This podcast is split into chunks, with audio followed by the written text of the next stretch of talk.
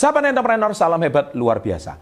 Kali ini saya akan mengajarkan skill. Nah, skill ini skill yang sangat penting dikuasai oleh generasi muda. Terutama yang bergerak di bidang penjualan, selling, direct sales, ya. Di sini sangat penting. Nah, lima skill ini mudah diucapkan namun sulit dikuasai. Apa saja skill itu?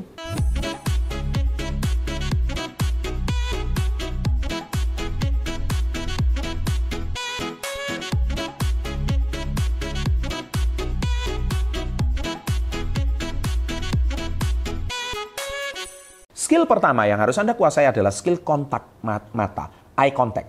Jadi ketika Anda hari ini berhadapan dengan lawan bicara Anda, sebisa mungkin Anda itu tatapan mata Anda itu menatap lawan bicara Anda. Tatap dengan tajam. Oh, seperti itu. Itu namanya Anda menghormati. Nah, orang nggak percaya diri, tatapan matanya lari-lari seperti ini. Tatap mata, lari-lari. Ini menunjukkan Anda tidak percaya diri. Kalau Anda percaya diri, tatap matanya, seperti saya menatap Anda sekarang ini, nah Anda kan melihat mata saya dengan jelas. Tatapan mata itu, sorotan mata itu, ketajaman mata itu sangat penting. Ini skill mudah kelihatannya, tapi coba yuk lakukan. Nah, ini tips yang saya, Pak supaya saya percaya diri gimana? Tatap dulu mata Anda di dalam cermin.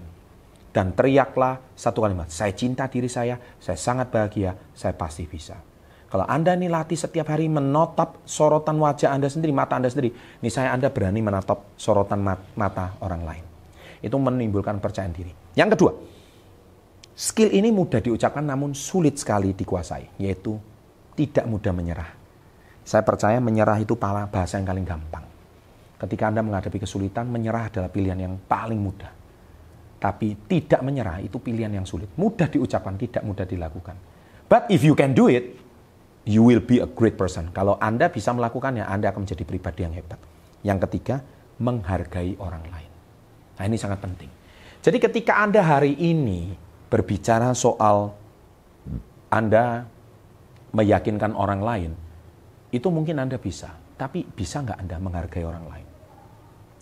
Menghargai lawan bicara Anda. Mendengarkan yang dia katakan. Mengiyakan apa yang dia sampaikan. Bukan berarti Anda setuju, tapi minimal Anda mengiyakan itu artinya Anda menampung. Nah itu namanya belajar respect nggak ada pribadi yang nggak suka didengar. Ketika lawan bicara dengar, bicara, dengarkan dia bicara. Nih saya Anda akan mendapatkan sebuah insight yang sangat luar biasa. Nah, ketika Anda belajar menghargai orang lain, orang lain akan menghargai Anda. Yang keempat, ketekunan dan konsistensi. Inilah kelemahan anak muda zaman sekarang. Anak muda zaman sekarang sangat sulit yang namanya tekun dan sangat sulit yang namanya konsisten. Anak muda itu suka berpindah-pindah profesi ini gagal coba yang lain, ini gagal coba yang ini, ini gagal coba yang lain. Nggak salah sih Anda mencoba, tetapi kalau Anda gagal mencoba terus selama sampai puluhan kali dan bidang usaha yang berbeda terus, nah itu menurut saya berarti ada masalah di masalah ketekunan dan konsistensi. Kalau Anda mencoba dan gagal tapi tetap di industri yang sama, ah itu benar.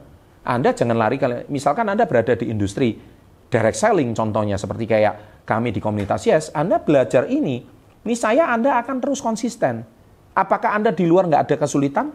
Pasti ada. Apakah di luar nggak ada masalah? Pasti ada.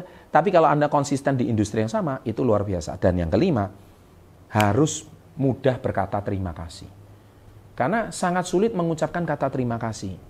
Ya, terima kasih itu bukan gombal ya. Terima kasih itu bukan pemanis, tapi terima kasih itu semacam kata respect kepada lawan bicara Anda dan terima kasih, terima kasih sudah diberikan kesempatan, Terima kasih sudah atas waktunya, terima kasih atas traktirannya, terima kasih atas meskipun Anda bercanda sama teman-teman, tapi say thank you itu penting.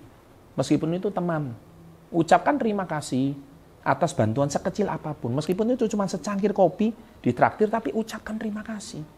Ya, kalau Anda mudah ucapkan terima kasih, ini saya orang akan melihat ketulusan Anda. Nah, demikian tips ini. Dan jangan salah, yang terpenting Anda hari ini ketika sharing ini sangat luar biasa saya berikan juga tips yang tambahan. Kalau di dunia, ketika Anda sudah memiliki penghasilan dari dunia penjualan, apalagi Anda sudah menguasai sini, income Anda kan sudah mulai naik. Jangan lupa sisihkan sebagian penghasilan Anda ke dalam uh, menabung emas. Ya, jadi ada link di bawah ini menabungmas.com. Silakan Anda klik link tersebut, sisihkan penghasilan Anda. Karena cepat atau lambat emas itu adalah nilai perlindungan mata uang yang paling bagus. Ke depan emas itu tidak ada sejarahnya emas itu ribuan tahun itu emas itu nilainya naik turun nggak ada. Emas itu kesempatan yang sangat baik. Ya, jadi saran saya klik menabungmas.com sekarang juga Di situ Anda akan diarahkan bagaimana Anda akan mendapatkan penghasilan, penghasilan Anda yang Anda hasilkan selama ini tidak menguap percuma. Dan kapan emas Anda itu nanti kalau dicairkan, di saat Anda memiliki kebutuhan yang sangat mendesak. Kalau nggak ada kebutuhan, tetap nabung aja emas tiap hari. Terima kasih, sukses selalu, jangan lupa like-nya, share pada teman-teman Anda, sukses selalu dan salam hebat luar biasa.